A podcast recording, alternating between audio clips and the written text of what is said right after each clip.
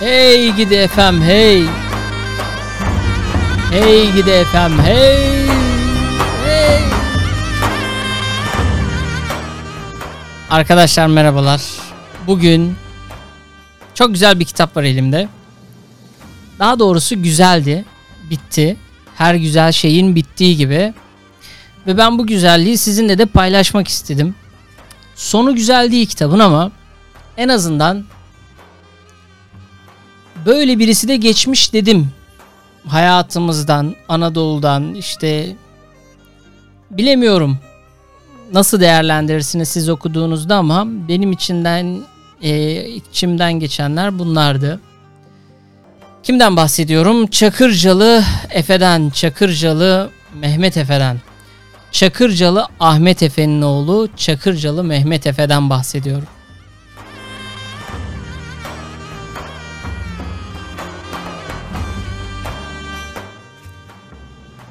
Çakırcalı Efe Yaşar Kemal kitabı arkadaşlar. Yaşar Kemal şöyle diyor kitabın girişinde.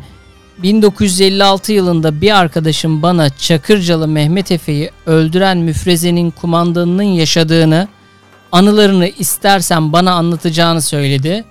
Ve tabii ki Yaşar Kemal bunu kaçırmıyor, bu fırsatı kaçırmıyor. Çünkü şundan dolayı arkadaşlar. Çakırcalı Mehmet Efe Çakırcalı Mehmet Efe için şu tanımlamayı yapıyor Yaşar Kemal. İnsanlık tarihinin bu en büyük eşkıyalarından birinin belki de birincisinin ölümünü öğrenmek benim için ilginçti diyor.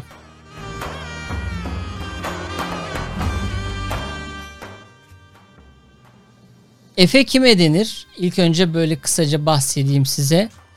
Arkadaşlar Efe bu Batı Anadolu'da özellikle Aydın, Denizli, Muğla illeri ve Ödemiş çevresinde Nazilli e, bu çevrede silahlı ve mevcut düzene değişik nedenlerle baş kaldırmış olan e, insanlara Efe deniyor. E, daha doğrusu baş kaldırmış kişiler Zeybeklerin liderine Efe deniyor.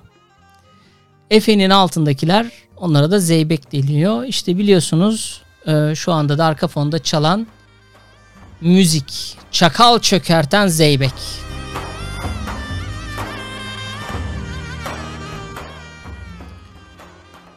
Şöyle anlatayım ben size Çakırcalı Mehmet Efe'yi. Kitabı anlatacak değilim. Kitabı alın ve okuyun lütfen.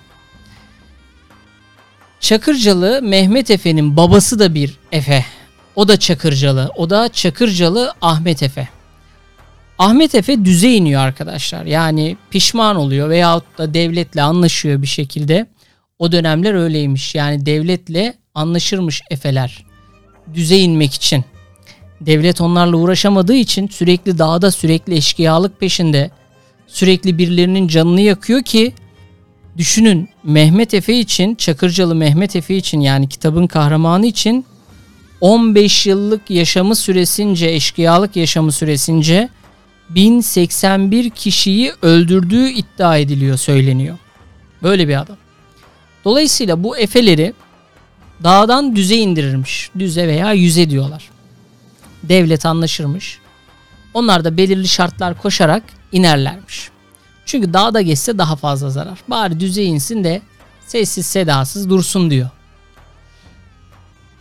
Bu Ahmet Efe yani bizim Mehmet Efe'nin babası düze indiğinde bir çavuşla Hasan Çavuş o zaman işte Osmanlı askeri Hasan Çavuş'la ahbaplık kuruyor.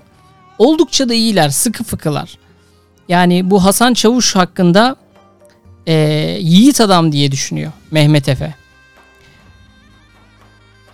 Eşkıya iken yani Çakırcalı Mehmet Efe'nin bizim kitabımızın kahramanının babası Ahmet Efe dağdayken bu Hasan Çavuş onu çok takip etmiş yakalamak için. Ama bir türlü yakalayamamış. Sonra düze indiklerinde de ahbap olmuşlar. Velhasılı kelam bir gün Hasan Çavuş geliyor yine. Bin bir türlü bahaneyle Ahmet Efe'yi evinden çıkartıyor. Birilerinin peşine götürüyor. Güya işte Hasan Çavuş'un gururu kırılıyor da hadi Ahmet Efe diyor bana yardımcı ol gidelim şu hakkımı alalım filan. Efe Efeler de böyleymiş yani birçok Efe. Ee, hak denilince orada dururlar hemen koşarlarmış.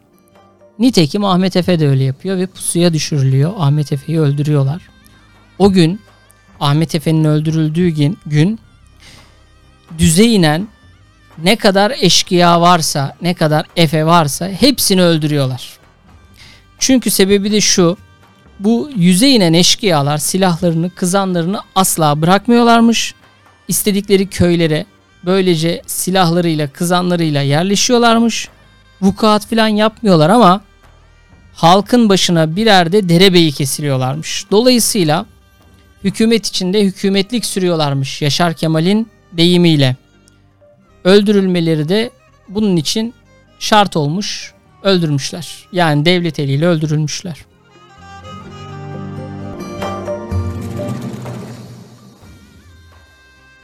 Ve sevgili dostlar Mehmet Efe babası öldürüldükten sonra belirli bir yaşa gelince babasının zeybekleri tarafından dağa çıkmak için ikna ediliyor. Hatta zorla çıkartılıyor diyebiliriz. Ve hayatı boyunca da bunun pişmanlığını yaşıyor. Dağa çıkartıyorlar. Ve bölgenin sadece bölgenin de değil Anadolu'da artık adını duymayan kalmıyor. İstanbullarda adını duymayan kalmıyor. Bırakın şeyi Ege'yi, Batı Anadolu'yu, Doğu Anadolu'da da adını duymayan kalmıyor. Hatta uluslararası üne kavuşuyor ve uluslararası bu ününün de keyfini sürüyor. İngilizlerle filan ahbaplıklar yapıyor vesaire. Böyle acayip bir durum. Osmanlı'yı sevmiyor. Osmanlı'dan nefret ediyor. Bildiğiniz gibi değil. Yıldız'la Yıldız Sarayı'yla acayip papaz bir halde. Yani Abdülhamit adını bile anmayı yasaklıyor bir dönem. Arkadaşlar bu Mehmet Efe Çakırcalı Efe öyle bir mahareti varmış ki 5 saatlik yere zeybekleriyle birlikte 3 saate gidermiş arkadaşlar. 10 saatlik yere 5 saatte gidermiş. Böyle acayip bir hünerleri varmış. Hatta o dönem işte kendisini yakalamak için kovalayan o Osmanlı paşaları takibinde olan Osmanlı paşaları şaşarlarmış. Ya bu ne ara gitti veya ne ara geldi? Nasıl bu kadar hızlı olabiliyor bunun teşkilatı diye diğer böyle eşkıyaların dışında böyle bir özellikleri varmış. Ve bunu da kullanıyorlarmış tabi. Bu Çakırcalı Mehmet Efe'yi yakalamak için arkadaşlar kimleri kimleri görevlendiriyorlar. Ama kimleri Osmanlı'nın böyle çok mahir paşaları geliyor. Acayip kahramanlıklar sergileyen paşaları geliyor işte. Balkanlarda filan Batı Balkanlarda çok başarılar elde etmiş paşaları çekiyorlar. Çakırcalı'yı kovalasın, yakalasın diye ama bir türlü olmuyor, yakalayamıyorlar. Hatta Osmanlı paşalarından bir tanesi yine Çakırcalı'nın peşinde baya bir iddialı, baya bir azmetmiş yakalayacağım diye. Çakırcalı öyle bir pusuya düşürüyor ki arkadaşlar ama öldürmüyor. Ve paşanın arkasından mektup yazıyor. Diyor ki Paşa, paşa diyor. Ben diyor seni iki defa pusuya düşürdüm. Birincisi benim peşime gelirken diğeri de bulamayıp dönerken ve ikisinde de vurmadım. Çünkü sen de yiğit bir adamsın belli diyor. Benim peşimi bırak diyor. Benimle uğraşma diyor. Var git diyor geldiğin yere diyor. Ve Osmanlı paşası dişlerini sıka sıka ve tabi Efe'nin de büyüklüğünü kabul ede ede geri dönüyor. Affını istiyor. Efe'nin peşinde koşmayacağım artık diyor. Gitmeyeceğim diyor. Affını isteyerek bu takip olayını bitiriyor ve bunun gibi nice Osmanlı paşalarını haşat ediyor. Yani Yaşar Kemal'in anlatımıyla. Osmanlı'yı da hiç sevmiyor arkadaşlar. Osmanlı'dan da dediğim gibi nefret ediyor.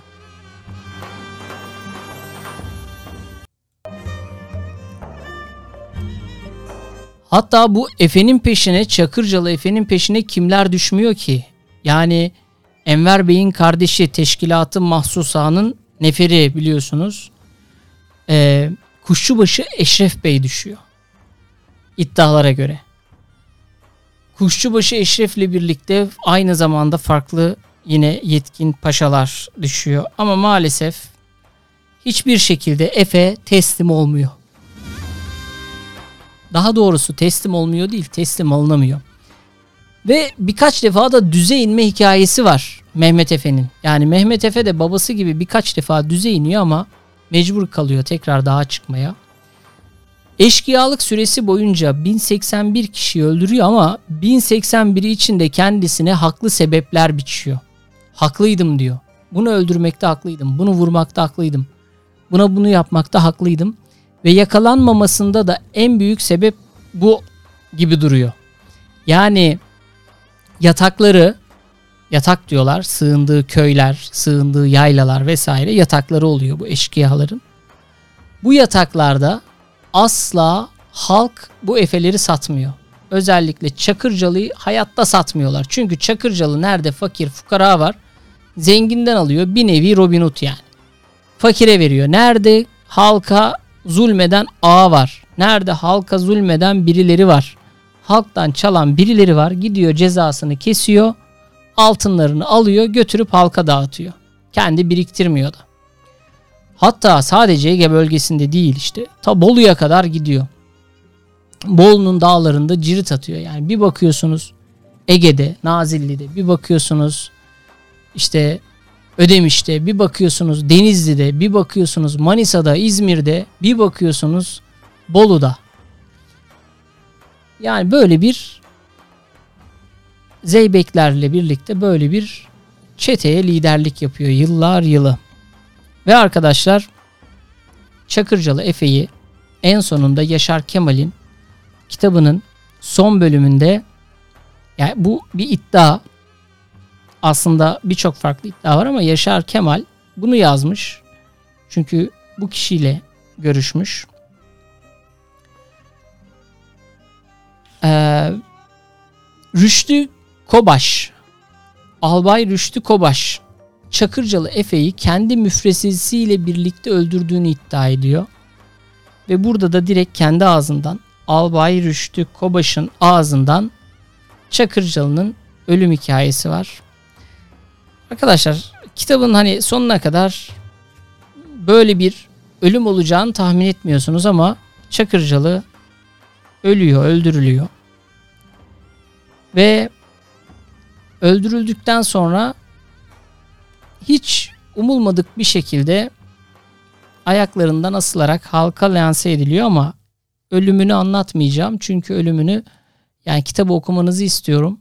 Ee, ölümünde çok acayip yani ben duygulanmıştım. Çakırcalı'yı ayaklarından Nazilli Meydanı'nda astıklarında bu Albay Rüştü Kobaş'ın ekibinde müfrezesinde olan Hacı Duk Kamil ve Osman Bey geliyorlar yanına. Rüştü Kobaş'ın yanına. Rüştü Bey, Rüştü Bey diyorlar. Gördün mü? Yaptığımız işi gördün mü diyorlar. Çakırcalı gibi bir yiğit buna layık mıydı? Keşke o bizi vuraydı diyorlar. Böyle bir hikayeyle de bitiyor. Değerli dostlarım. Bu kitabı sevdiğim bir büyüğüm, sevdiğim bir abim önermişti bana bir Ankara yolunda. Yolda devam ederken yanımda kitap okuyordu. Ne okuduğunu sorduğumda bunu söylemişti. Ben de okudum. Güzel kitap. Size de tavsiye ederim. Böyle bir kitap hikayesi paylaşayım istedim. Ve sevgili dostlarım, bu podcastleri çok daha fazla kişiye ulaştırmak istiyorum. Bunun için de önerirseniz dostlarınıza, sevdiklerinize linkleri yollarsanız daha çok kişi dinlerse ben de daha çok üretebilirim. Daha fazla vakit ayırabilirim. Teşekkür ediyorum. Bana yaklaşık 14 dakika boyunca katlandınız. Kendinize iyi bakın. Hoşçakalın.